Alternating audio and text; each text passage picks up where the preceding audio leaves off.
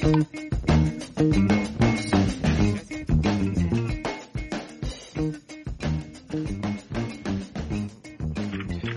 eso, estamos grabando xa Así que pensade no, na nosa canción Tic-toc, tic-toc, tic-toc Benvidos, Pablo Lois, que tal? Hola eh, Que tal ti? Como estás? Moi ben, tíos, este, con moitísimas ganas de verbos e de falar con vos Bueno. Que xo facemos habitualmente tamén, non? Pero bueno. Sí. Bueno, falar é máis fácil. Vernos, bueno. Sí. Sería... Ah, a veces... Pa... Ilegal. País está o Zoom. sí, sí, sí, sí. Bueno, chicos, eh, estes días están sendo complicados, xa sabemos, non? Pero non hai mellor época da historia para estar na casa, non? Ah, o, o, o, o que temos a disposición de nós é increíble. Nunca tivemos tantas pelis, series, animacións, Eh, música, de todo, hai de todo. E nunca eh, se usou eh, bueno. tanta aspiradora tamén. Eso, eso é super importante. Exactamente. nunca. Ni, están, están ni as, pans, tío. Aspiradoras con ganas de, de que nos vayamos da casa. Como, tío, deixade pans.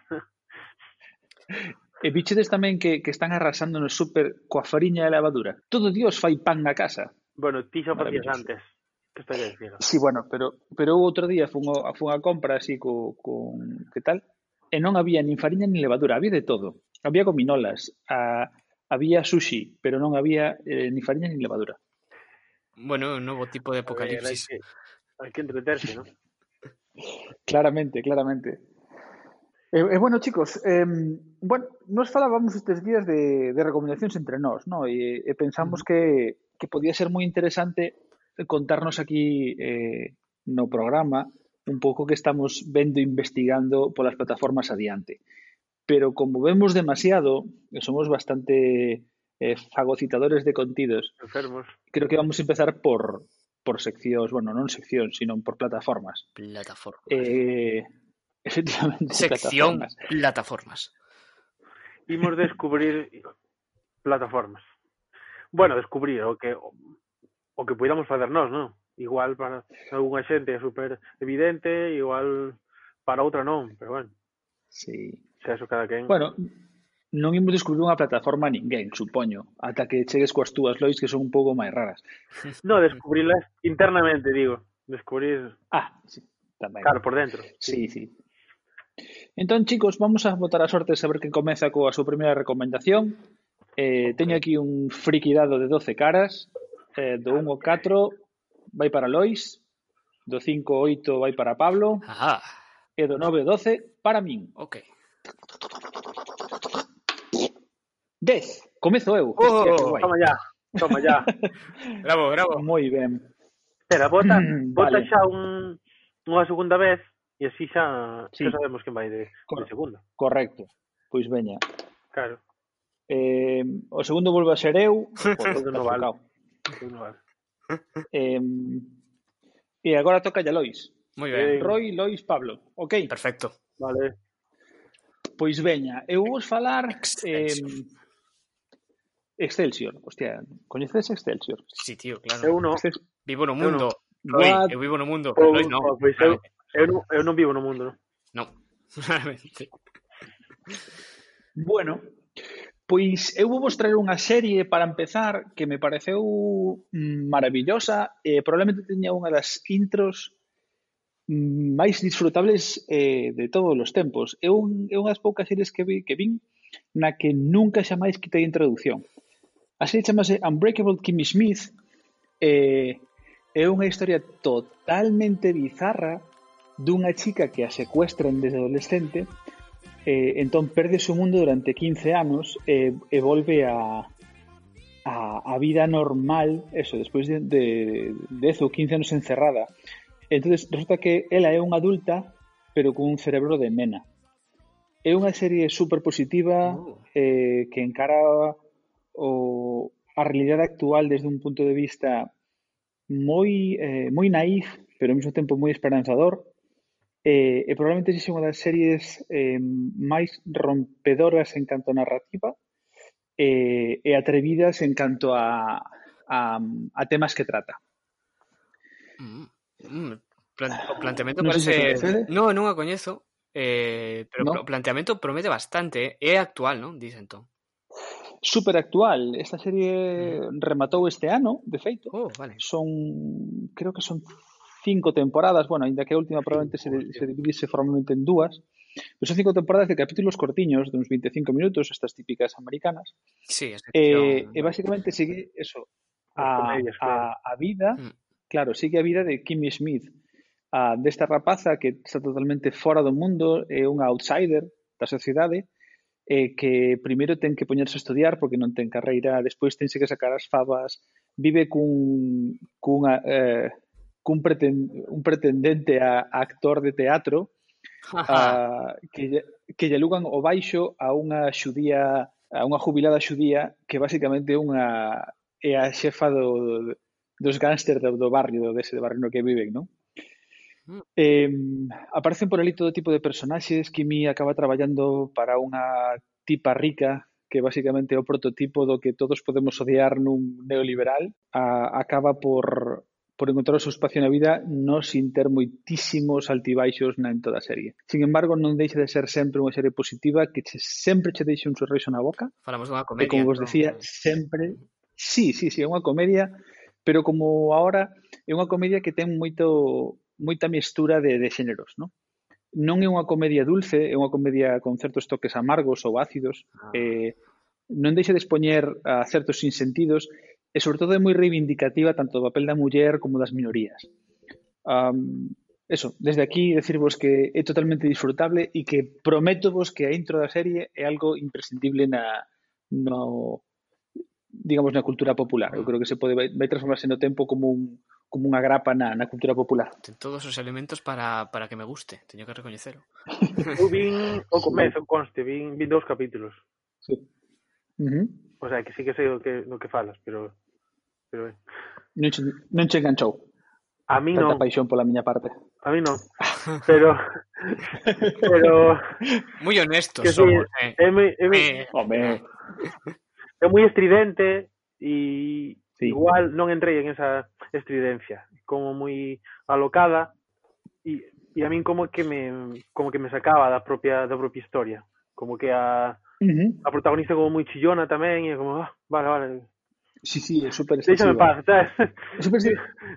é super excesiva eh, eh, eh, estou de acordo contigo, Lois. É un- é unha personaxe que a min habitualmente me sacaría. Sí, porque eu sabe, suelo ser bastante cartesiano con esas cousas. Sin embargo, ten un toque inocente de fondo que, que, que casa. O sea, que parece coherente consigo mesmo, ¿no?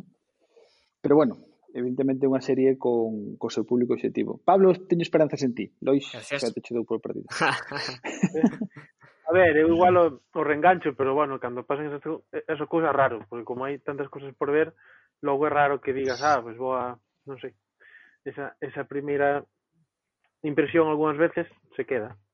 Eres unha persoa de primeiras impresións, oh, claramente. No, no, hai veces que non, que retomo algo e o fago, pero bueno, si sí é certo que que é máis raro, porque coa cousas que hai... Na verdade, sí.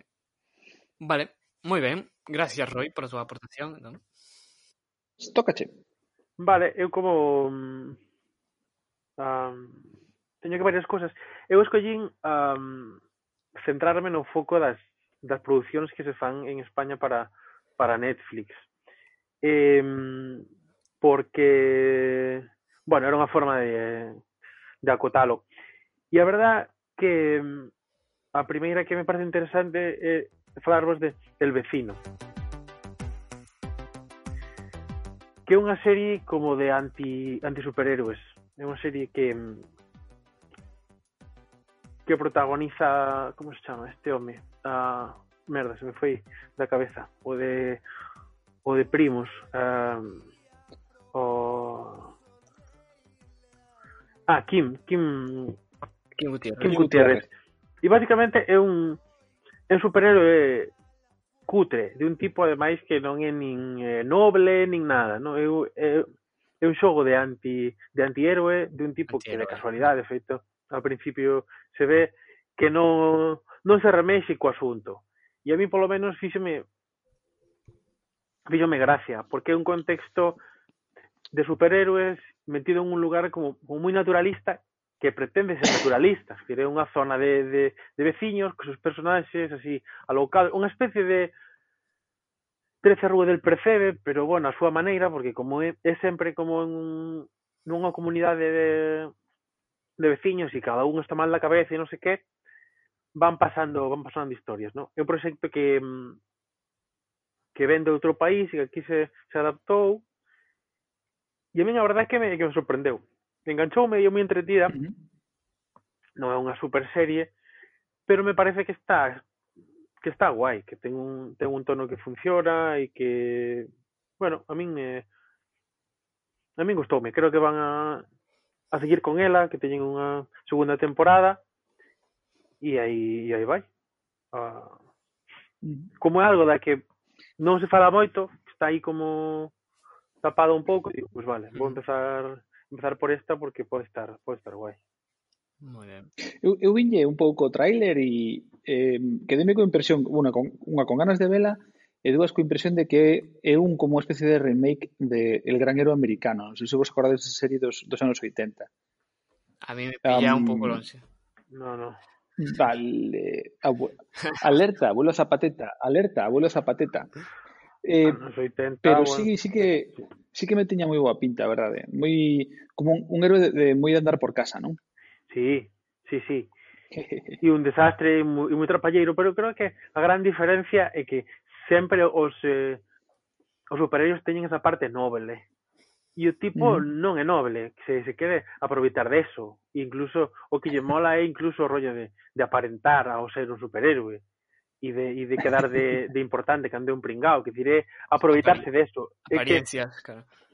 Unha persoa do común que non está preparada para algo así, como o, o fai mal e no fondo porque porque que non non quere facelo, o sea, non é, é algo que estaba incluso ben co súa vida de antes, decir, co súa vida de, de antes. Non, non é que, claro, os superhéroes sempre os o, o, os seus superpoderes lle, lle salvan a vida porque están fatal. E este tipo é un tipo simple que precisamente o, o feito de ser un, un superhéroe é un marrón.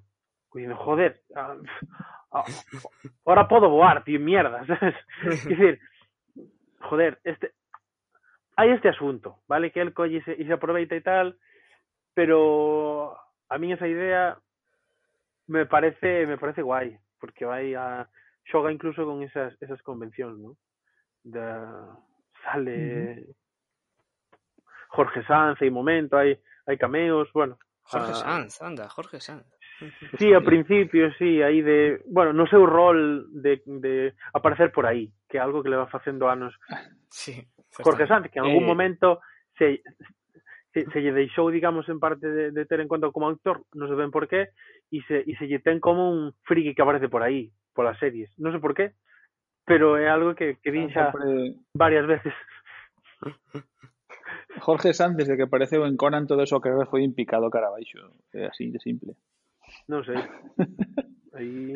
Bueno, é un, é un meme. Sí ahora, Jorge Sanz é un meme de, sí. de sí mesmo. Bueno, eu traio vos eh, de English Game que, que é unha uh. produción de, de Netflix, que o creador é o mesmo tipo de Downton Abbey, uh -huh. pero totalmente situado en, en outro sitio, porque é unha serie sobre fútbol, sobre uh, as orixes... Uh, sobre as orixes do, do fútbol, non? Entón nos conta a rivalidade que hai entre os dous personaxes principais, que son Arthur Kinner e Fergus Sutter, que son personaxes reais, todos os personaxes que aparecen na serie son reais, Logo o tratamento histórico é máis ou menos, digamos que que, bueno, hai certas licencias como sempre, ¿no? Certas licencias creativas, pero bueno, nos conta a rivalidade destes dous homes, o Arthur Quiner é un un noble, rico, adinerado, banquero e tal, que xoga por afición ao fútbol, e Fergus Suter foi o primeiro futbolista profesional da historia. O primeiro tipo que cobrou por xogar e iso se dedicaba a eso, non? Entón, como vedes, xa nos plantea a unha dualidade entre o mundo dos ricos na Inglaterra do século XIX e o mundo pois obreiro industrial desa desa Inglaterra bueno, pois das fábricas e de todo este tipo de de, ¿no? Bueno, entonces é unha um, como planteamento está ben, o problema é que como serie de fútbol que é o que pretende ser, intenta falar do fútbol, pois se acaba diluindo e ao final o fútbol acaba sendo un, un pouco unha excusa.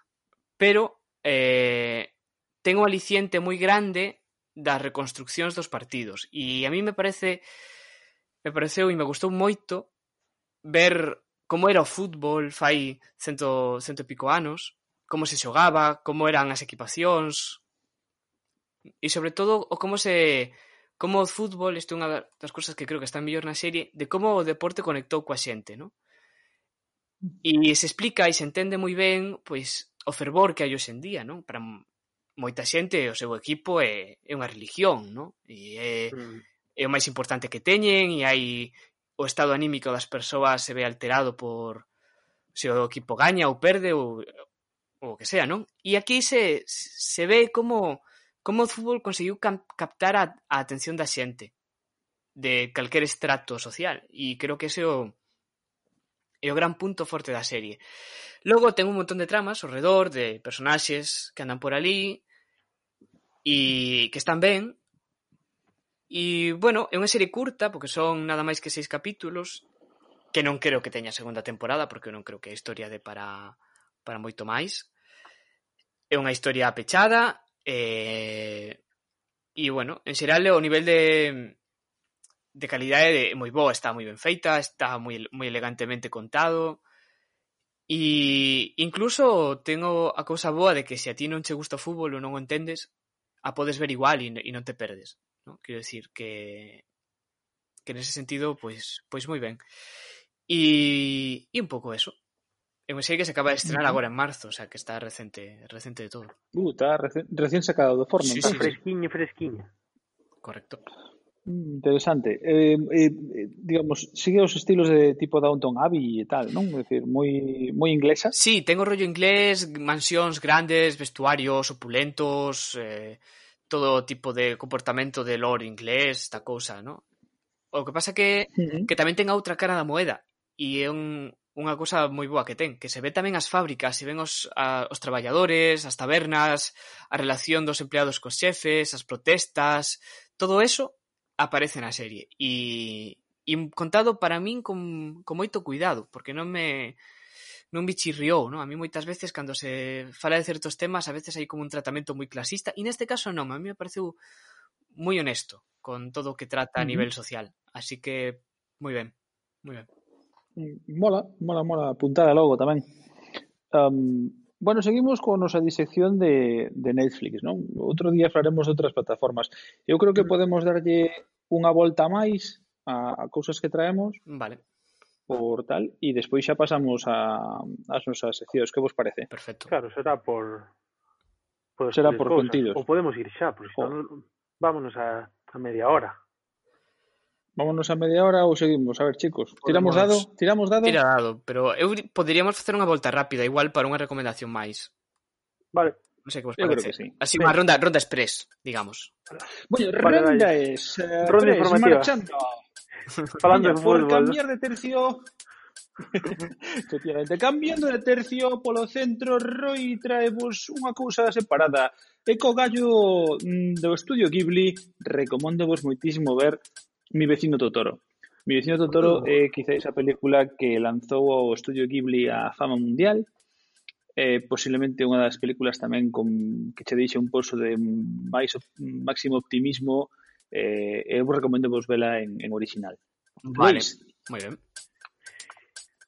Eu recomendo vos aínda indo un pouco a, a contracorriente porque é unha serie que non tivo éxito, unha serie que a min me gustou moito, non van a, a facer máis porque foi un, un fracaso, pero é unha é unha serie que se chama Brigada Costa Oeste, que é unha serie, é curioso porque a, a serie de, de policías a mí non me gustan, pero é, un, é unha serie española super super fresca e os diálogos están super ben. E a mí gustoume moito, a verdad. Que decir, é algo foi unha, unha coproducción que se fixo ademais Netflix con, con Mediaset que acabou por caer en un pozo, pero a mí a mí sorprendeume, a verdad. É unha é unha serie que me que me entretivo e que penso que está mellor do que do que din, digamos, os os resultados de de audiencia. De audiencia, sí. Mm. Audiencia sempre... Eso, eso, eso pasa, eso pasa moito. Audien- audiencia- que mal. A audiencia non sempre ten razón, digamos. No, é verdad. Hai veces que Sí. pero, pero non sempre. Eu creo que Net- Netflix convertiuse nun, nun rescatador sistemático das cousas que funcionaron mal para a audiencia en outras plataformas. Sí, é verdad. Eh, ten, ten un mogollón de, de series rescatadas de outros sitios. A mí me mm. parece moi destacable eso. Sí, foi unha apoio. Pablo, ti que máis nos traes? Bueno, para, para pechar, ronda rápida, vos vou a falar a vez de, de dúas series que son moi parecidas, así xa xa, xa, xa as toco, que son Love Dos por uno, bien. Sí, son Love uh -huh. e Flaked. E son, ah. son dúas producións orixinais de Netflix que se estrenaron entre, fe, entre febreiro e marzo de 2016. Love ten tres temporadas e Flaked nada máis que ten unha. Eh, Love é unha serie de Youth Apatow eh, que foi creada por el e Paul Rust, que é o autor principal e, e tamén escribiu algúns dos guións. E Flakez, o protagonista, é eh, Will Arnett, que o, conece, o coñeceredes por ser a voz original de, de Batman en la Lego película. Uh, entón, unha, unha voz moi particular esa. Sí, bueno, pois son dúas comedias tristes que eu lle chamo. Uh -huh. E traballan un pouco sobre o fracaso, a decepción, e o desencanto. Sobre todo me parece que máis máis tráxica Flaked, que ten, ten dúas temporadas, perdón, me equivoquei, ten dúas temporadas.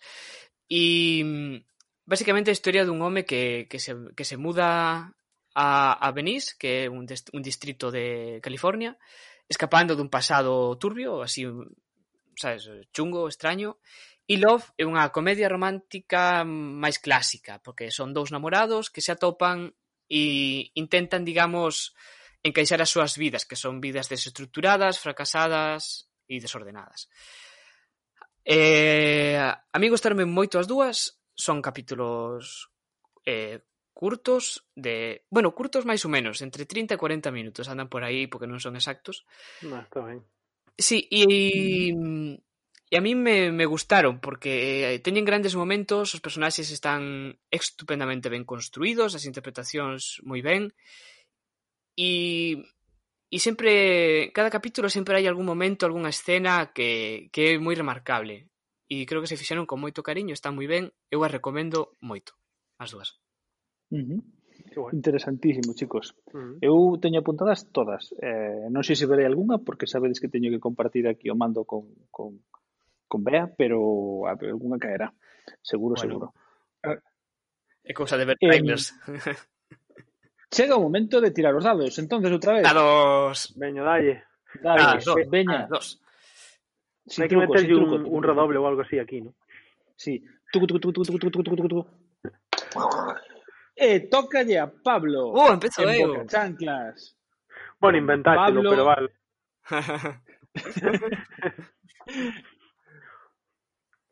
En Boca Chanclas. Con Pablo Carrera, a sección de Simón.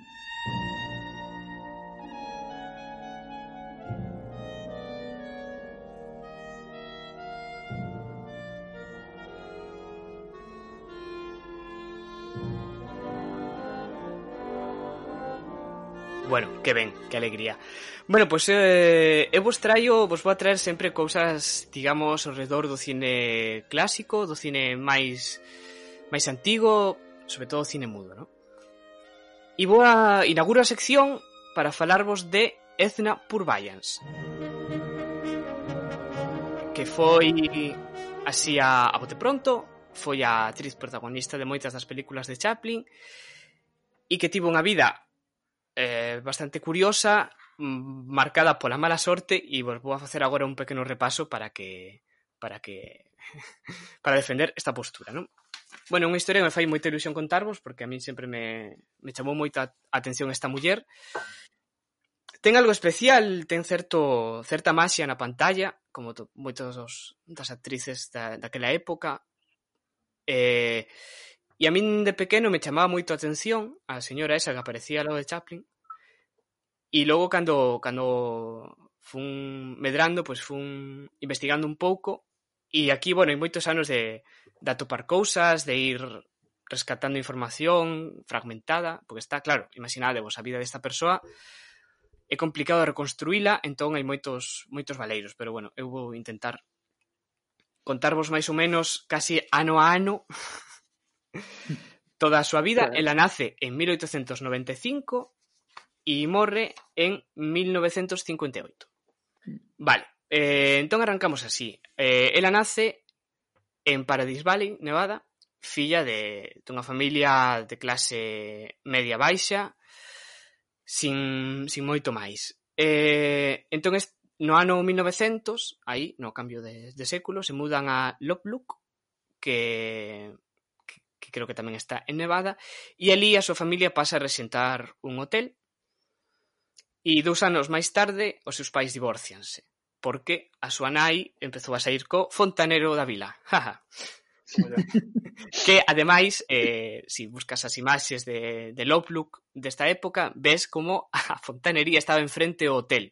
Así que deixa de levar a imaginación, por lo que puido pasar aí. Nah, Poñemos música de fondo de, de, de dos 70, non? Sí. Un saxo, saxo. Bueno, pois a... Así arrancou este o primeiro xiro extraño da súa vida, así un pouco desafortunado.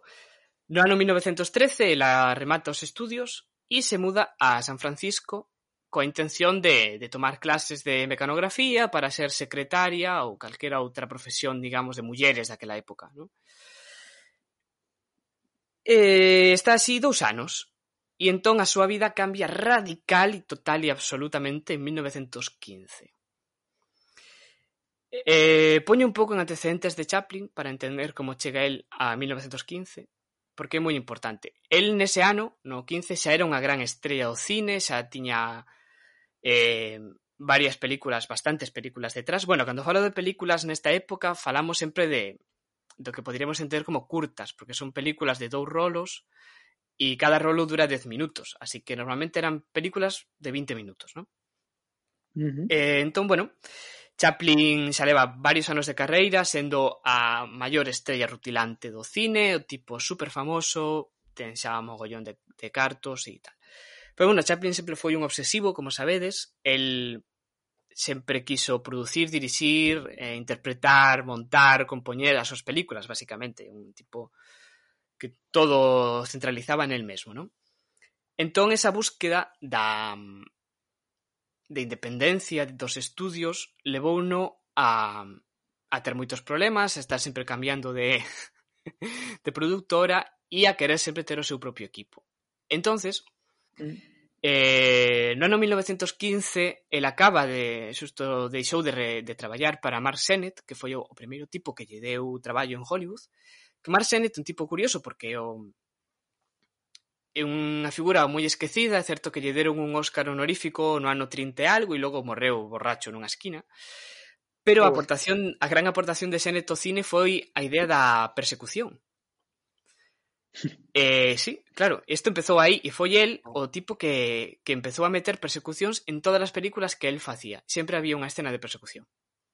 Que eran estas eh, persecucións. fora moi famoso, non?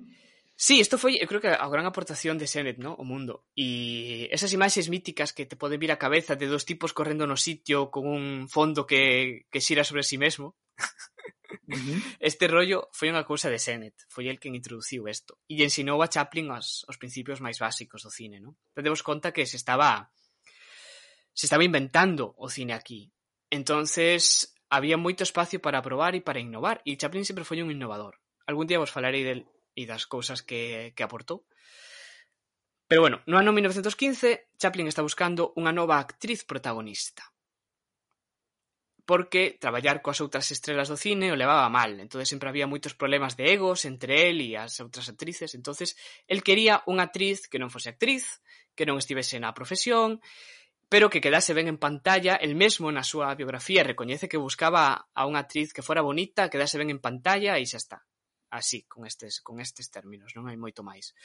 Entonces, a través dun amigo en común, lle presentan a, a Edna, que, que era secretaria, e, bueno, era unha, como podedes comprobar, era unha muller guapa e rubia, ollos claros. Entón, lle fan unha proba de cámara, Chaplin acerta a facerlla e efectivamente ve que, que funciona. A proba de cámara, por certo, está existe, se conservou, E o estudio Chaplin a ten subida en YouTube, que a podedes ver, está, está ali. Mm, é, é, é moi curioso, porque está ela como toda tranqui diante da cámara, falando con alguén que está detrás, e se xira, bueno, é unha cousa así curiosa que, que está ali, non? Bueno, pois rapidamente conectan os dous e se lanzan a facer películas como, como churros. As primeiras... Vou a, vou a ler os títulos porque son, son curiosos en, en castelán, polo menos.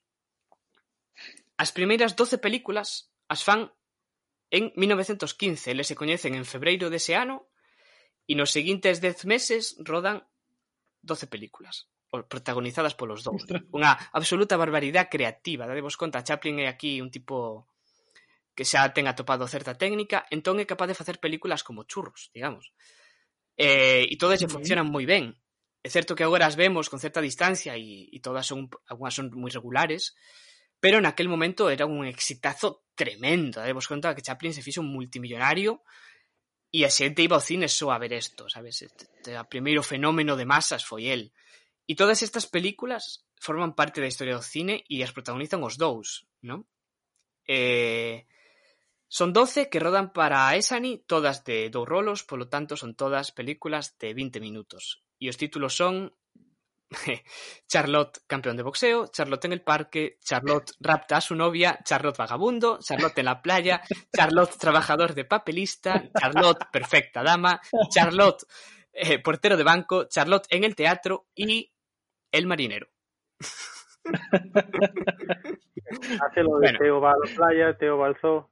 Sí, sí. Bueno, conste que os Sí. títulos estos, con esta estructura, só é en España, os títulos orixinais son diferentes todos, pero aquí traduciron así, non sei moi ben por qué. Pero bueno, a min faime moita gracia. Bueno, no ano 1916 rodan oito películas de dous rolos para outra empresa que é a Mutual. E as películas son eh, Carlitos Maleante, Charlotte en la tienda, El bombero, Charlotte Bohemio, Charlotte Sastre de Señoras, Charlotte Prestamista, Charlotte Tramoyista de Cine, Charlotte Héroe de Patín. Hai algúns gags destas pelis que aparecerán logo nos clásicos que todo mundo coñece, pero se poden ver que hai certas certas cousas que el ensaiou aquí previamente, non? E todas estas pelis tamén protagonizadas polos dous, é certo que Chaplin fixo algunha outra onde ela non aparece, pero como non nos interesa eso ahora mesmo, pois solamente dou os títulos daquelas que fixeron entre os dous. Entón, no ano 17 rodan un, dous, tres, son catro películas que rodan neste ano eh, por varios motivos. As pelis son Charlotte en la calle de la paz, Charlotte en el balneario, Charlotte emigrante e El aventurero. Eh, o motivo de que só sexan catro é que eh, eles rematan contrato coa, coa Mutual e eh, empezan a construir, Chaplin por fin consigue empezar a construir o seu propio estudio os estudios Chaplin que están en, en San Francisco, agora se conservan máis ou menos, pero el construiu o seu propio estudio con todos os decorados que el quería e con todo o seu equipo fixo e demais. E isto é moi importante eh, o feito de que el tivese o seu propio estudio por cousas que van a pasar agora posteriormente. Eh, entonces, aquí neste momento Chaplin consigue o controlo absoluto e total das súas producións. E creo que o feito de que el teña o control de todo é o que salvou todo este material do, do tempo. Porque hai moitas películas mudas que desapareceron e non é o caso coas de Chaplin. E creo que é porque el mesmo se preocupou sempre de, de salvalas. Ademais de que había moitas copias, pois... Uh -huh. Pois creo que, que foi por isto, non? Eh, bueno, decirvos que aquí no ano 1917 Charlie e Edna viaxan a Honolulu de vacacións. Eh, é Joder. moi divertido porque hai fotos deles en Honolulu vestidos con flores e non sei que. Pero, pero estaban liados. Sí, estaban liados, liadísimos. Ah, vale, joder, a empezaras por aí. Nada, nada máis se, nada máis se coñeceron e xa se liaron. Isto foi amor a primeira vista. Ahí está. Claro, claro. Vale, de- de- Dixéchelo entrever aí co de, co de que foi que tiveron unha conexión inmediata, non? Foi unha conexión profunda. Sí, las malas lenguas decían que que nada máis se coñeceron a tarde seguinte xa estaban grabando películas e cousas así, non? Pero é certo que foron parella, creo que catro, oh, sí. catro anos de relación amorosa. Logo, como amistade, quedou, como xa veredes, eh, porque pasaron cosas, empezaron a pasar as cousas raras agora no ano 18, que é o ano que, que entrou, no? neste repaso. E é en outubro de, do ano 18 cando toda a relación e toda esta situación idílica que teñen os dous explota, de que te pum, E, e bueno, eles discuten nunha festa eh, en casa da actriz Fanny Ward. Dou nomes así un pouco random, porque son persoas esquecidas que a mí me parece gracioso sacar os seus nomes de vez en cando, ¿no? que era unha, outra actriz. Bueno, eles discuten, intentan reconciliarse, pero parece ser que Edna sempre foi unha tipa un pouco especial, con certas psicosis e paranoias e movidas raras na cabeza, estaba un pouco pa allá. E entonces foi imposible que se reconciliaran. E eu teño a teoría de que aquí os dous empezaron a darse celos mutuamente porque ela empezou a sair con Tommy Megan, que era un galán, un actor galán destes alargaos e estiraos da época, e Chaplin, un par de meses despois, se casou con outra actriz. Así, directamente. Así directamente, así, con Mildred Harris, que foi a primeira, a primeira muller de Chaplin. Iba, iba a tope, no, Chaplin, sempre. El, sí, sí, sí, sí. Iba a tope, eh... iba a tope. Sí, Bueno, a pesar de todo isto, no, es, no ano 18 fan catro películas que son Vida de perro, que é un, un, un clásico, Aventuras de Charlotte e Armas al hombro, que son estas dúas, Vidas de perro e Armas al hombro, son pelis que, que sí tiveron moito éxito, son pelis xa, xa bastante longas, de tres rolos. O sea, que son xa, xa chega a media hora. Bueno, eh. Sí, se, as, Algúnas destas se repoñen, eh? porque xa son máis longas e a veces as poñen na, nos canais de cine clásico e cousas destas, non? Bueno, o, o ano 19 nada máis que rodan xuntos, rodan dúas películas. Chaplin roda catro películas máis, pero ela con ela non, con ela nada máis que fai dúas, que son eh, Al Sol e Un día de juerga. Eh, e agora ven o, un ano importante que o ano 1921, que é cando se roda El Chico, que é este gran clásico uh -huh. de Chaplin que vos sonará absolutamente.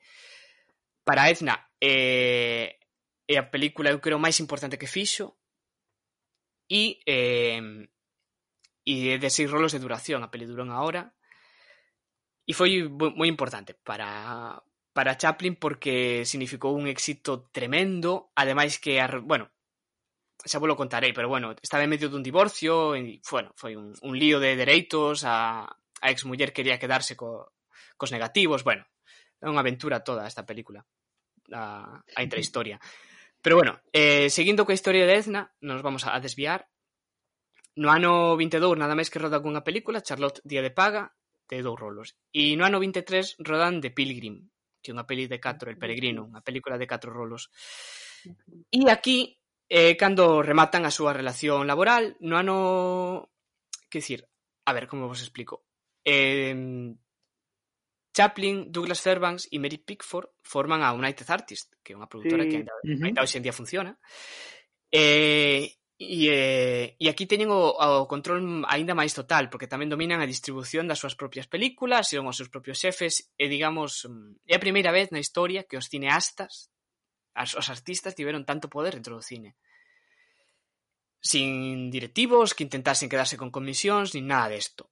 Entonces, neste momento, Edna decide que quere ser actriz dramática.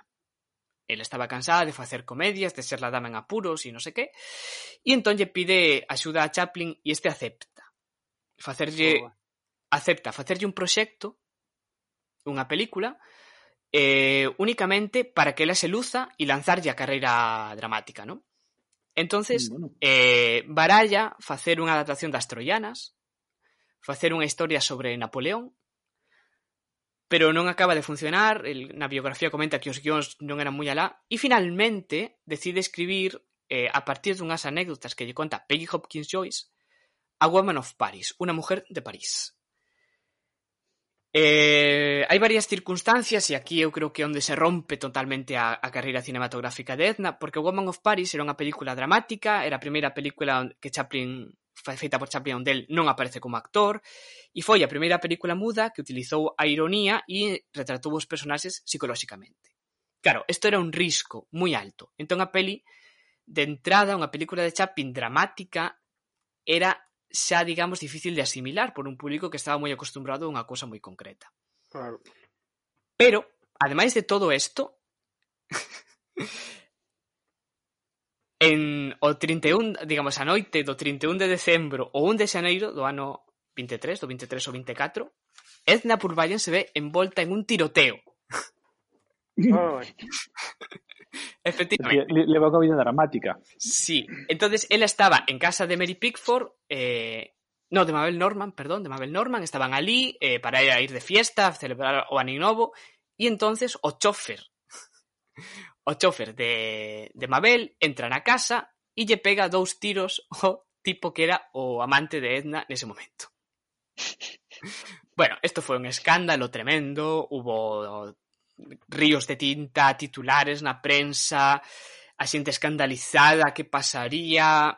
Eu investiguei un pouco, eh, lin extractos judiciais eh, e demais, e as, elas declararon dúas veces, se contradecían, non se sabe moi ben quen disparou en realidade, puido ser a propia Etna, puido... Bueno, eso foi un follón. A sorte que tiveron é que o tipo non morreu. E entonces non hubo denuncias, non hubo nada, e o caso acabou, digamos, desfa desfacéndose. Pero o sí, o, o problema foi que, bueno, o escándalo quedou aí e entón os cines boicotearon a película e prohibiron distribuíla. Dicían, no vamos a poner unha película desta tipa porque non sabemos moi bien de que palo va. A letra, a letra escarlata, basicamente, lle fixeron. Sí, sí, sí, porque non querían... Claro, digamos que o seu nome quedou manchado.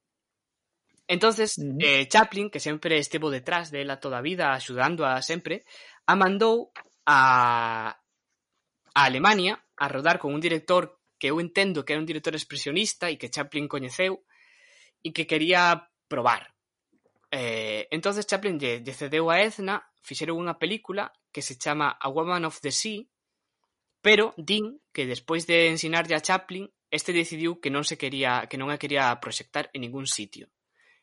Debía de ser horrible, me imagino que sería unha cosa experimental super rara, E. Chaplin vetouna, e logo no ano trinta e tres queimaron os negativos da película, así que non queda absolutamente nada da, da película, nada máis que unhas fotografías da rodaxe que se atoparon no ano 2008 Joder. E a peli esfumouse, o sea, non hai nada desto. Eh, e logo, aínda así, no ano 27, rodou en Francia unha última película que se chama Educación de Prince, Quisi foi unha película que se distribuiu en Francia, pero a peli está hoxe en día está eh, desaparecida. Non se conservaron os negativos, que era algo moi habitual, eh? Esto que as películas se, se perdesen, ou os negativos se estropearan ou o que sea. Hai algunha fotografía, algunha imaxe, pero nada máis. E isto foi a última vez que Edna traballou en cine. Logo empezaron as, as, as, des, as desgracias. No ano 32 morreu o seu pai e sufriu unha úlcera perforante Logo no ano 38 se casou con un piloto da Panam que se chamaba John Jacksby Squire, pero Ui. sete anos despois este home tan majo, John P. Squire, morreu dun infarto. Era unha, é unha desgracia andante, muller, pobriña. Sí. Eh, bueno, entón, destes, destes sete anos de matrimonio hai, hai grabacións e fotografías, pero a, a muller que as atopou, unha tipa que se chama Linda Guada, eh, atopou este material e o ten secuestrado na súa casa. e non, non deixa acceder a él.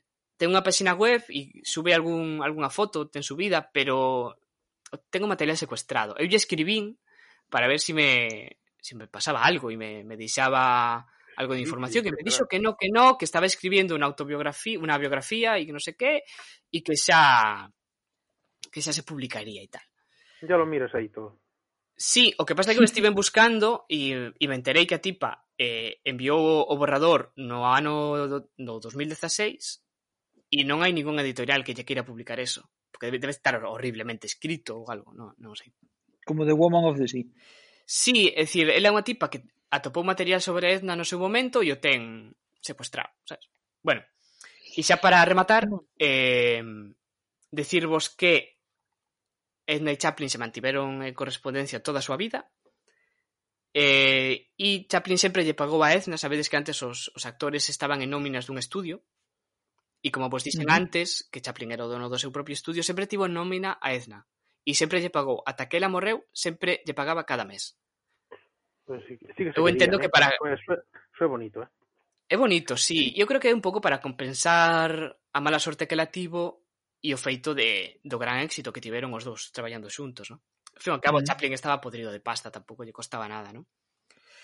Chaplin, Chaplin chegou a ser un, un magnate, porque de feito The United Artist foi un, un pulso co, cos estudios daquel momento. Sí, sí, sí, sí. Pasa que, claro, sí, Chaplin era, un... era a maior estrella de todas, entonces sí.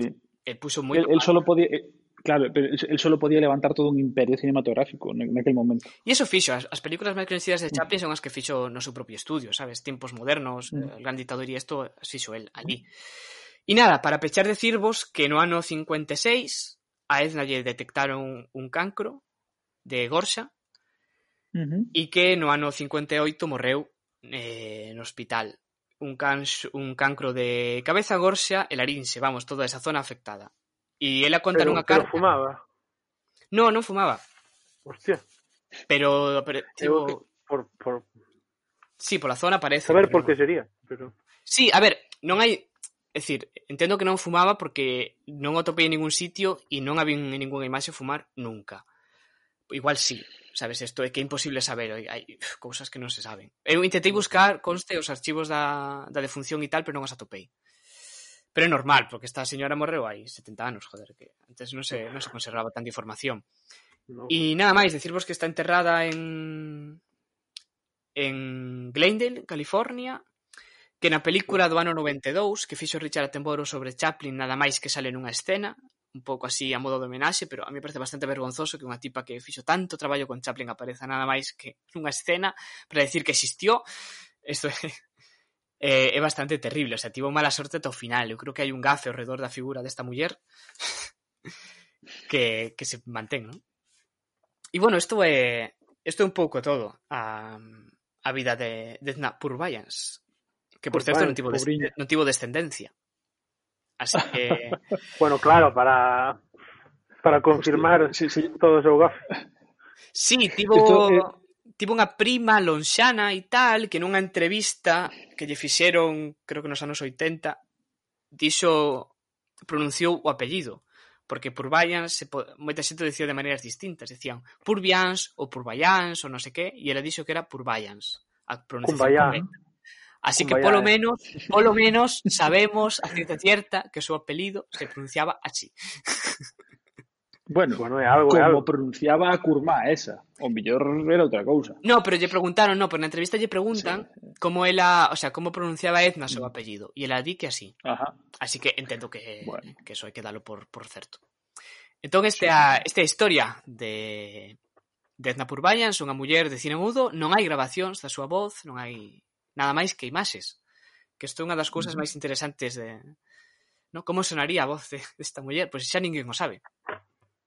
Bueno, esa, esa, esa foi unha cousa do paso ao cine mudo, non? Hubo moitísimas estrelas que, que se viñeron abaixo precisamente porque non non tiña unha voz mm, para nada atractiva, de feito. Sí, sí, eso pasou moito. Moitos actores que... Bueno, aí hubo unha gran criba xeneracional cando apareceu o cine sonoro. Moitos eh, actores que eran estrellas, como Douglas Fairbanks ou Mary Pickford, que mencionei antes, desapareceron do mapa totalmente, porque non tiveron sitio despois. E no caso uh. Chaplin sobreviviu, uh. Eh, eu creo que porque era moi moi forte como como cineasta, como como empresario e foi un cabezudo e se negou a utilizar o cine sonoro ata moi moi tarde. Un pesado. Sí, foi un pesado, sí. pero el, el tiña bastante medo na biografía recoñece que, que non tiña sentido para el falar, porque decía, hostia, se si Charlotte fala, se perde mm. toda a magia e de feito non hai películas sonoras con Charlotte, con ese personaxe característico, ese vagabundo, ¿no? As que, nas, que, nas que fala xa non é exactamente Charlotte, xa é outro personaxe diferente. Sí, sí, sí, é verdad. Foi inteligente. Bueno, momento de dados outra vez, non? Da dos, da dos. Lois, Mantendo pares ou nones? Pares, pares ou nones? Mismo, pares. Pares mismo. Pares. Pares mismo. E agora, en Boca Chanclas, con Lois Blanco, Mundo Indie. Che la la che la la mo va dicendo che mi vuole assare se crede che mi faccio sangavare se crede che mi Bueno, vamos alá. Eu quería contarvos algo moi actual, que está guai porque queda como como contraste da, da retrospectiva de Pablo Caratrás. Eu traio algo super recente e super innovador que, que igual incluso eh, en algún momento debativos que falarvos, bueno, de como estamos como estamos agora se produciu unha estrea dunha peli de Xavier mm, Dolan que é un, un director francés moi respetado en, en Cannes e quería primeiro contarvos bueno, darvos o, o contexto eh, deste home, que sobre todo Roy non controlaba, e bueno, para quen que nos escoite, que saiba un pouco quen é, porque eu creo que é un tipo moi moi interesante. É certo que eu chequei a el tarde, xa vos contarei dentro dun cacho por que cheguei tarde a el. eh, e, Bueno, por darmos un pouco de, de contexto e tamén un pouco de, de envexa, ou polo menos a min dame, dame envexa. É un tipo que ten que que naceu en marzo do 89 eh, é dicir, ten agora 31 anos e o, e o tipo leva feito oito películas, vale? Isto xa é ah. interesante. Entón... Que, que asco dá, non? Empezou sí, moi pronto, porque... ¿no? Sí, a súa primeira peli fixo a, aos 20 anos, que foi o que Que cabrón. Unha revolución é unha é unha peli que se chama eh, Yo maté a, a mi madre, así, de risas, no ano 2009, e el, bueno, incluso sale na propia peli, porque esa é unha das súas características que le actor e tamén director, é un pouco un pouco o contrario quizás a, a Woody Allen, tanto a nivel de género y tal, pero a nivel de esencias se parece porque é un todoterreo, el actúa, escribe, produce, fai todo ou casi todo el, incluso nas nos seus créditos a, aparece tamén facendo a dirección de arte, o sea, él está metido en todos os fregados. Sí, si non en todo, en en casi todo. O tema bueno. é que É dicir, xa co súa primeira peli mmm, chamou un pouco a, a porta en, en en Cannes, bueno, fa un salto. El nace en, en Canadá. A, a súa nai estive en... Oh, Canadá. Investigando, pero non non sei que fai. O que si, o que si vin é que o pai é actor de orixe exipcia cousa que lle fai ter unha mezcla super peculiar. Era un tipo que de país en Canadá... genética e aí, sí. Bueno, en, en, en, en Canadá, no, no Quebec, claro, como, como seguramente supoñedes, porque está, claro, por eso fala en, en francés e toda esta historia, e é un pouco lle chaman o infante terrible do, do cine, porque un tipo con moi con moito carácter e moito carisma e, e, e tatuaxes e tal. Eu atopei unha unha referencia que, bueno, son etiquetas, pero me, me parece moi interesante. Din que é unha mezcla entre Wong Kar Wai e Almodóvar. Carallo. E isto conste ten o seu sentido. Quer decir, vale que son etiquetas, pero para para situar o que fai, eu creo que é bastante acertado de etiquetar. Eh, porque en función ao que vin del, que tampouco é todo, son varias pelis, pero bueno, encaixa bastante, non? El xa coa súa terceira peli, creo que é, que é Mami, xa gaña varios premios no Festival de Cannes, entonces teñen un pouco como protegido. E hai unha cosa super curiosa que, que vos vai a a molar, que, que si eh, que se entrades no perfil seu de, de Instagram, pon simplemente actor, director, Slytherin.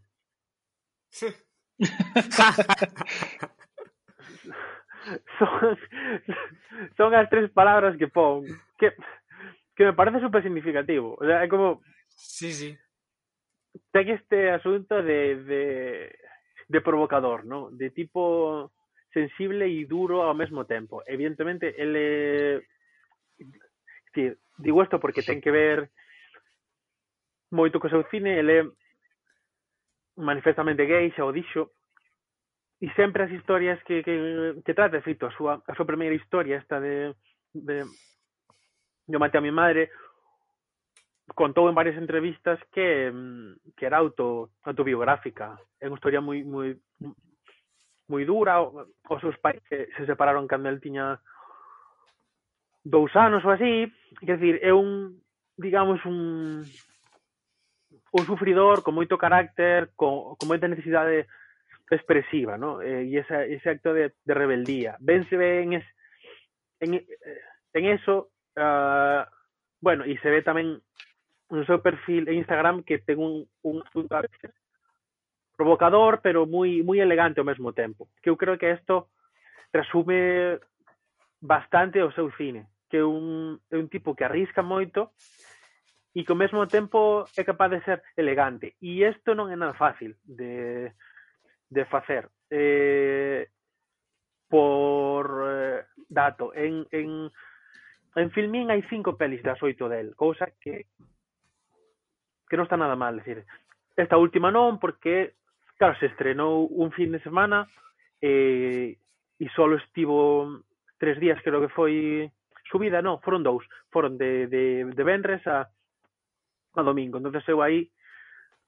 foi cando a, a puiden ver. Esta peli chamase Matías e, e Maxim. Son dous amigos, basicamente, que, bueno, a peli empeza nunha, nunha casa común, un grupo de, de amigos, ten un, un perfil moi eh, naturalista, digamos, coas eh, conversas entre eles e tal, e conta a historia deles dous, que son dous, dous amigos heterosexuales que a través dunha coña da, da irmá de un dos dous, que é un rollo de clase, de un exercicio de clase que os dous fan de, de actores, de, mm, dese exercicio e se teñen que, que bicar os dous. Entonces se, se trata na peli eses, eses prexuizos de eu son hetero, son moi, son moi macho, pero non vou ser gay, pero sí, pero sinto esa atracción e está todo ese mundo, non? El conta nunha, nunha entrevista que mm, que quería situarse, digamos, no, no, no outro lado e ver que lle pasaría a un home Pero si descubre eso cando ten ese prexuizo, ¿no? Hai escenas uh -huh. super bonitas, super potentes. Logo eh, me meto, digamos, na miña parte de como de como de crítica, ¿no? De me pareceme que o, o cine de de, de Dolan ten un punto pretencioso que a min me tira un pouco para atrás porque vexo todo ese sensacionalismo que, que a veces para min é un pouco forzado, pero claro, é, é moi consistente e é moi atractivo e é moi inteligente, entonces son son obras moi potentes as que fai. Entonces, uh aínda que eu lle note ese toque pretencioso que a min hai, hai, hai veces que me distancia, porque se lle ve a ela ademais en, en moitos sitios como moi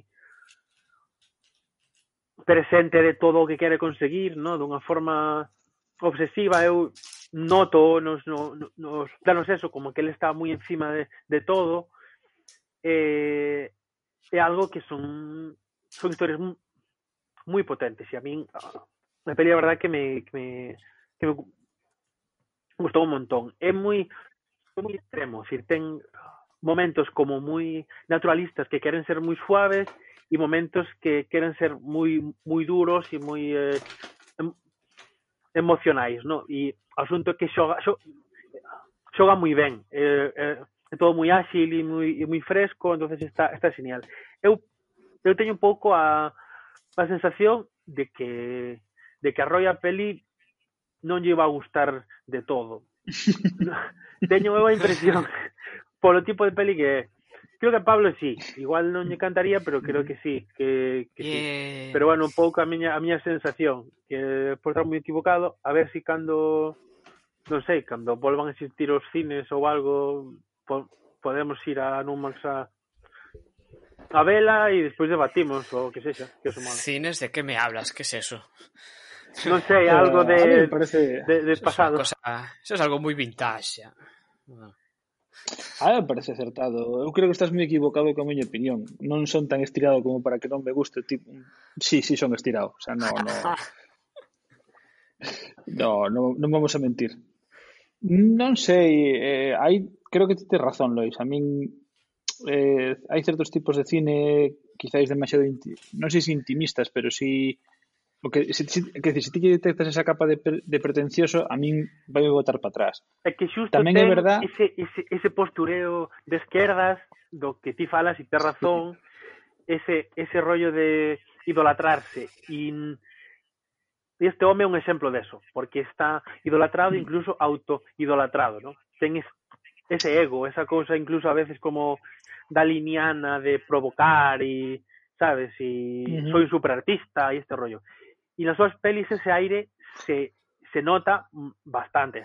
Dicir, é algo que está está moi presente. Eso non quita que precisamente todo ese ego faga que a, a, as pelis teñan momentos super interesantes pero bueno, é dicir, o, asunto de provocar, digamos, xa se ve dende o principio, é dicir, un título así é demoledor. O sea, aparece un tipo de 20 Sí. anos que uh, presenta unha peli que se llama Yo maté a mi madre, es como, hostia, tío. Pero, entonces bueno, a, a, tamén reconozo, claro, sí. O A sea, reacción- reconozo que, que, que un, a veces me perdo moitas cousas chulas precisamente por, por bloquealas, así que, por suposto, vamos ir a Numax a vela. claro, Sí, por supuesto. E despois, non, eu supoño que a estrearán, digo eu, porque é un, é un perfil moi de Numax e é certo, dá, dá, dá bastante asco que, que, que, que estes anos fixera oito pelis porque esta que estrenou é a oitava. Claro, mm. logo, bueno, ten uns eu hai cousas aí que teño pendentes por ver, pero, bueno o, o máis importante xa, ah, bueno, o, o actor o coprotagonista que se chama Gabriel Almeida Freitas que, que eu supoño que será emigrados de, de emigrados brasileiros ou así, porque ese nome canadiense non é moito, non? Entonces, eh, haber unha, unha mezcla aí detrás tamén, non? Sí, sí, sí. Bueno, Parece en Canadá ser como o colega delo, sí. De? sí. En Canadá hai moitísima inmigración, así que tampouco eh, non, non é tan tan raro, pero non bueno. Non parece, ¿eh? eh. Hostia, que disimula moito eso, pero Ah, que hai un que Bueno, un... tocan máis dados. No. Dados, no, sí, sí. dados, dados ou non? Non dados, Lois, diti, diti. Dados, non? Dalle ti. Bueno, dalle, dalle Ah, Pablo. non tocan dados. podemos volver a comezar. ¿Qué? Dalle que te, que te Veña. Pablo, ¿no?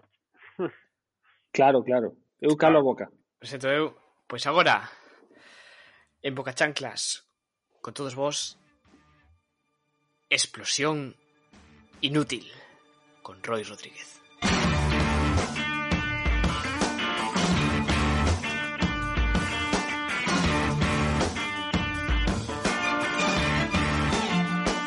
Uh, moitísimas gracias, Pablo. Hoxe vou a falarvos dunha película do 2017 que respira amor pola música e cine. Cada vez que a ves podes ver que en cada minuto de metraxe a, o no director inglés Edward Wright eh, vive toda esa paixón eh, da que vos falo. Edward Wright, gran director Edward Wright, sí. encanta. Este director inglés, eh, nacido en abril de 1974, Feliz cumpleanos, Edgar. É recoñecible polo seu, eh, polo seu ritmo de montaxe superdinámico e a súa fusión barra homenaxe de estilos eh, de, de, de, de, digamos, xéneros clásicos do cine. No? Sempre, sempre, sempre dende un velo de humor típico inglés. Eh, moi fillo neste caso dos, dos Monty Python. eh, tamén, en todo o seu cine, eh, posee un marcadísimo instinto musical que por formas moitas veces pode recordar a Tarantino um, do que, por certo, é amigo e colaborou algunha vez. É autor de varios, de, de varios e recoñecidos vídeos musicais de varias bandas, eh, moitas delas de jazz, un xénero que lle gusta especialmente. E, eh, e nas súas bandas sonoras destacan as, as décadas dos 70, 80 e 90, décadas nas que creceu eh, das que a súa música eh, parece tocar moitas das, das súas fibras sensibles. Hoxe, vos Baby Driver, de Edgar Wright, posiblemente un dos mellores musicales non musicales da década.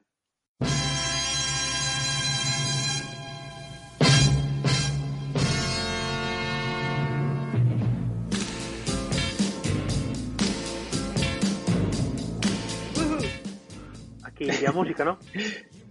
sí, eh, que xa foi, en realidade, non? No, eh, Como moitos dos seus referentes, eh, os inicios de Wright van eh, da man dunha cámara Super 8.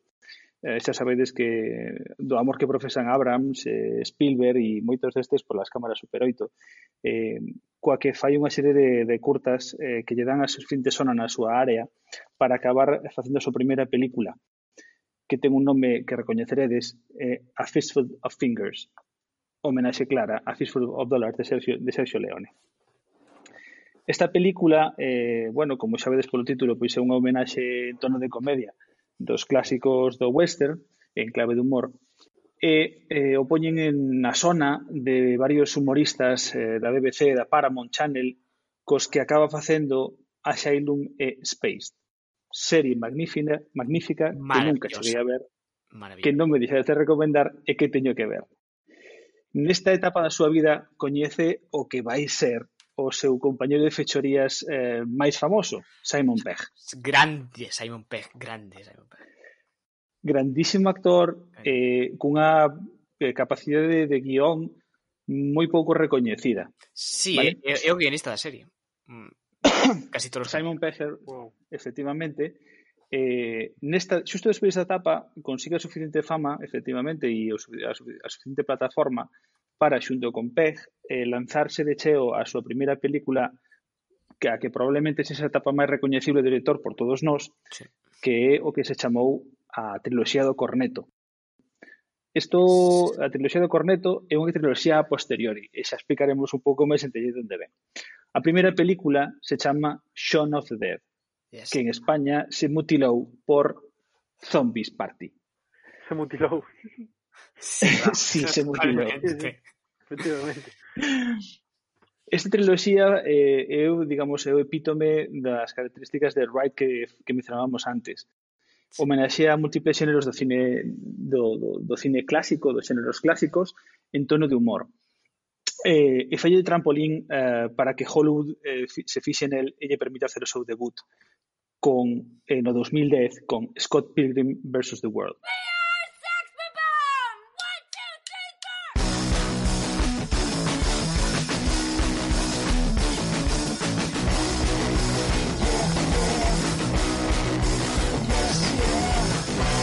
Scott Pilgrim, eh, para que non lo coñezades, é un cómic eh, moi ecléctico, um, nunca me acordo do autor, pero eh, ten un debuxo que, que pode recoñecer o mellor de Steven Universe dunha serie de animación. Uh -huh. um, é un cómic moi, moi na onda de, de Edgar. Um, e trata tamén, eh, é un cómic que trata desde un punto de vista moi noventero, porque é moi dos 90 ese cómic, eh, todas estas eh, fusións de xéneros, ideas, estilos e tal. ¿no? Um, con, o ser un cómic que vai tan en sintonía coas filias de Wright, um, pois deronlle moita pasta e evidentemente foi un fracaso comercial. por suposto. Eh, por suposto foi un fracaso comercial. Sin embargo, foi eh, un éxito da crítica eh, e valeulle o recoñecemento tanto do eso, dos críticos de Hollywood como tamén de compañeros da profesión como Kevin Smith e Quentin Tarantino. Nestas datas, eh, de a pesar deste fracaso comercial, que sabedes que os fracasos comerciais en Hollywood penense bastante, eh, Edgar consigue seguir traballando, eh, digamos, entre, con, con cousas un pouco menores. Eh, menores, para que non des menores, eh, fallo guión de Tintín para Spielberg, um, eh, coescribe un par de episodios de varias series e eh, comeza tamén o proxecto en 2015 de Ant-Man para Marvel, que aínda que se fracasa, digamos que fracasa e non acaba por dirixir a película, sí que se acredita oficialmente como, como guionista sí. da película, aínda que discutible, e aparece como produtor executivo, é dicir, estuvo bastante ben sellado, pero eh, declinou por diferencias eh, artísticas mm, coa estrela, con Paul Rudd, basicamente, a, a autoría da misma. Um, entre medias tamén, neste, neste hiato ata, ata que cheguemos á peli que, que, que, da que vos quero falar, acaba finalmente a súa triloxía do Corneto con The World's End. Unha homenaxe ao cine de ciencia ficción con moitísimas baba. Sí, a peli, um, peli moi extraña esa. Moi extraña, moi regular, con momentos extraordinarios, pero que, que ten outros moi bonitos. Eh, para min é claramente a peor da, da triloxía. As tres, sí, sí, sí. Pero sendo a peor é moi disfrutable. Sí, sin duda. Por fin, por fin chegamos ao punto en 2017 en que Edgar Wright presenta a súa película da que, a, eh, da, da, da que queríamos falar este hoxe, Baby Driver. Yeah.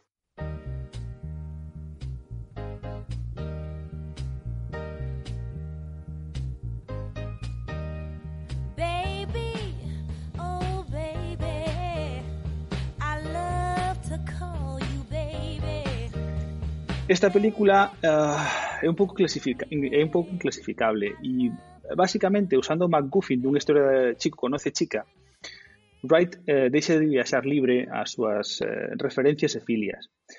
Eh, tece unha película de acción romántica, curiosamente, sí. vista desde, desde unha capa de humor, como sempre, moi británica, eh, e que usa como lenzo para pintar con toda a música que escolle toda a película, toda a historia. Eh, en toda película podemos ver eh, como a historia e a música eh, danzan entre sí para, para poder eh, contarnos a esta historia de amor entre, entre Baby e Débora.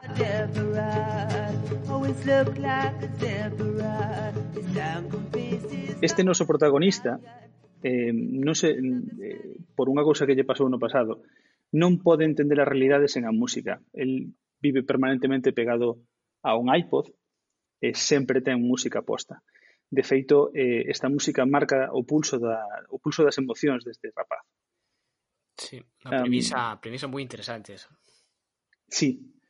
Eh, esta parte de que o noso protagonista teña que estar sempre conectado coa música, a perfecta armonía de imaxe e son, eh, e que ademais a película se articula seguindo os preceptos dos musicais um, permítennos eh, metela e marcala dentro do xénero musical, que para min, aínda que aínda que non sexa estritamente un musical, para min está probablemente entre os top 5 da última década, sin nada que envidiarlle a La La Land ou ou a algún de Baz Luhrmann.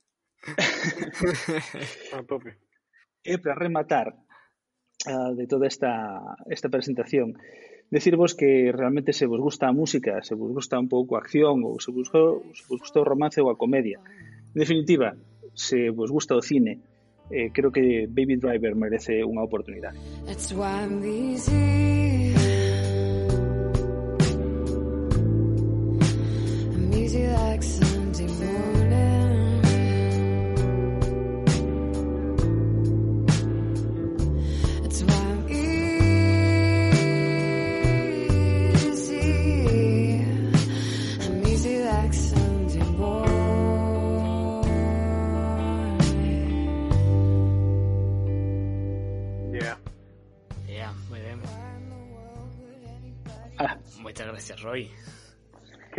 quedou. Uah. Sí, moi ben, moi ben. Non sei, non sei. Non sei, non sei, era un pouco así preparado, uh, sonará moi impostado, supoño, pero de verdade, chicos, que eu creo que esta peli merece merece a pena. Edgar Wright merece a pena. A min gustoume moito. Eu sou moi fan de Edgar Wright desde de, de sempre, dende que o mm. coñecín. Absolutamente. Sí. Sí, sí, sobre todo... Eu creo que aí te, tes para facer un programa só da triloxía do Corneto das tres pelis, tío. Corneto. Sí. Tío. Porque teñen como moitas sí, bueno. cousas vinculadas, moitas cousas en común, moitos sí. gags que se repiten. Eu creo que que pode, me pode molar, eh? Darlle aí. Sí, é unha, é, creo que un, pro, un programa que podemos facer os tres en especial porque ten moitísimas series das que falar eh, toda esta, toda esta triloxía é, eh, é eh, en xeral non?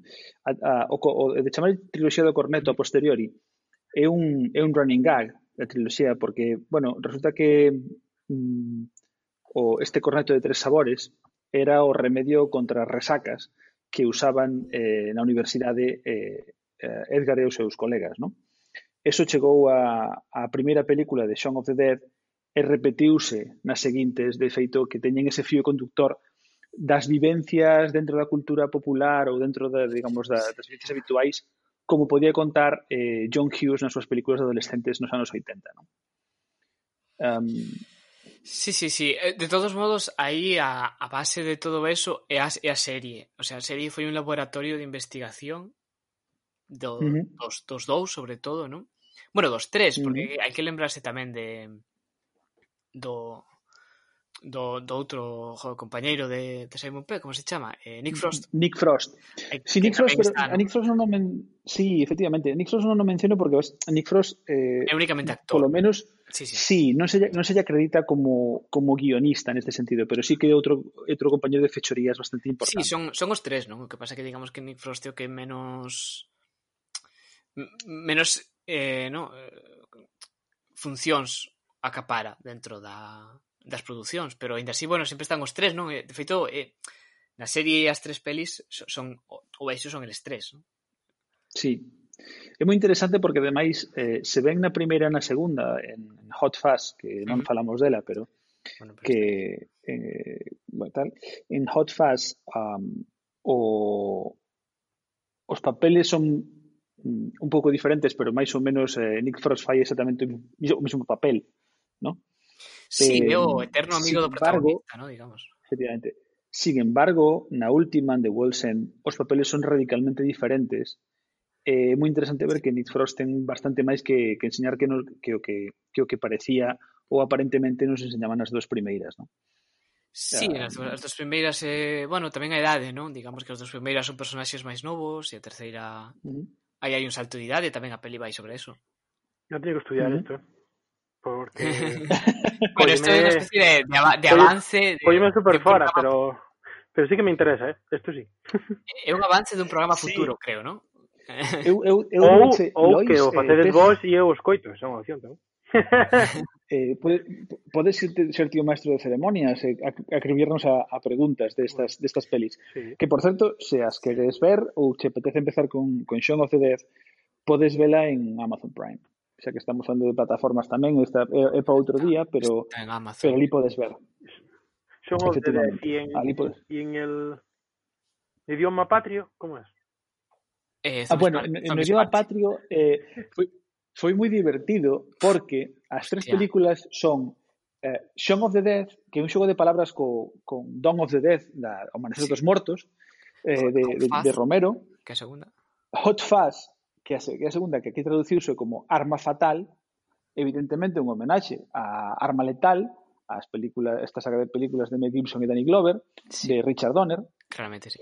e a terceira, que se titula The World's End, ah, el final, en el final del mundo sería, Sí. aquí traduciuse como el bar del final del mundo. Ah, El sí. bar del que final bueno, del mundo. El bueno. bar del mundo. Creo, creo que sí, creo que Qué sí, horror, Qué horror. quero recordar que sí.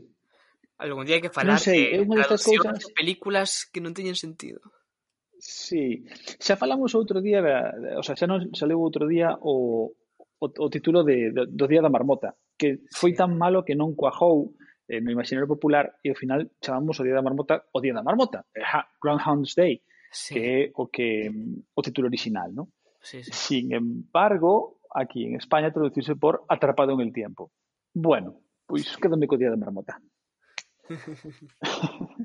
Sí, sí. Eh, Bueno, eh, así, espero, espero Lois convencerche de que vises a, a Edgar, Pues sí. merece moitísima pena, sí, aínda que non che guste a película, mm, creo que vas a recoñecerlle un pulso na montaxe espectacular, porque o ten. Eh, É probable que me guste eh, tamén, eh. Sí, é moi probable. Aínda que solo aínda que solo sexa tamén polo seu gusto musical. El ten un gusto musical supermercado. Sí. Ah, verás que Queen é, un, é unha grapa nas súas bandas sonoras sempre aparece algo de Queen. Juan, en, eh, en Song of the Dead ten unha escena brillantísima con Don't Stop Me Now que é para enmarcar e ensinar nas eh, escolas de mira chicos, isto é es el cine, es así. ¿Sabes? Eh, eh, fíjate, unha das esceas unha das esceas, eh, bueno, Baby Driver eu sosteño a miña opinión, vale, este, a, a tese que vos defendía é que é un musical, non? É un musical a pesar de que a xente non se para e baila e de repente cantan algo, non? Um, é un musical porque dunha forma magistral polo, polo propio defecto de, de Baby, a música pasa de ser eh, externa a interna na película, non? Sempre sí, son a música é, na propia película. É diexética, sí, sí.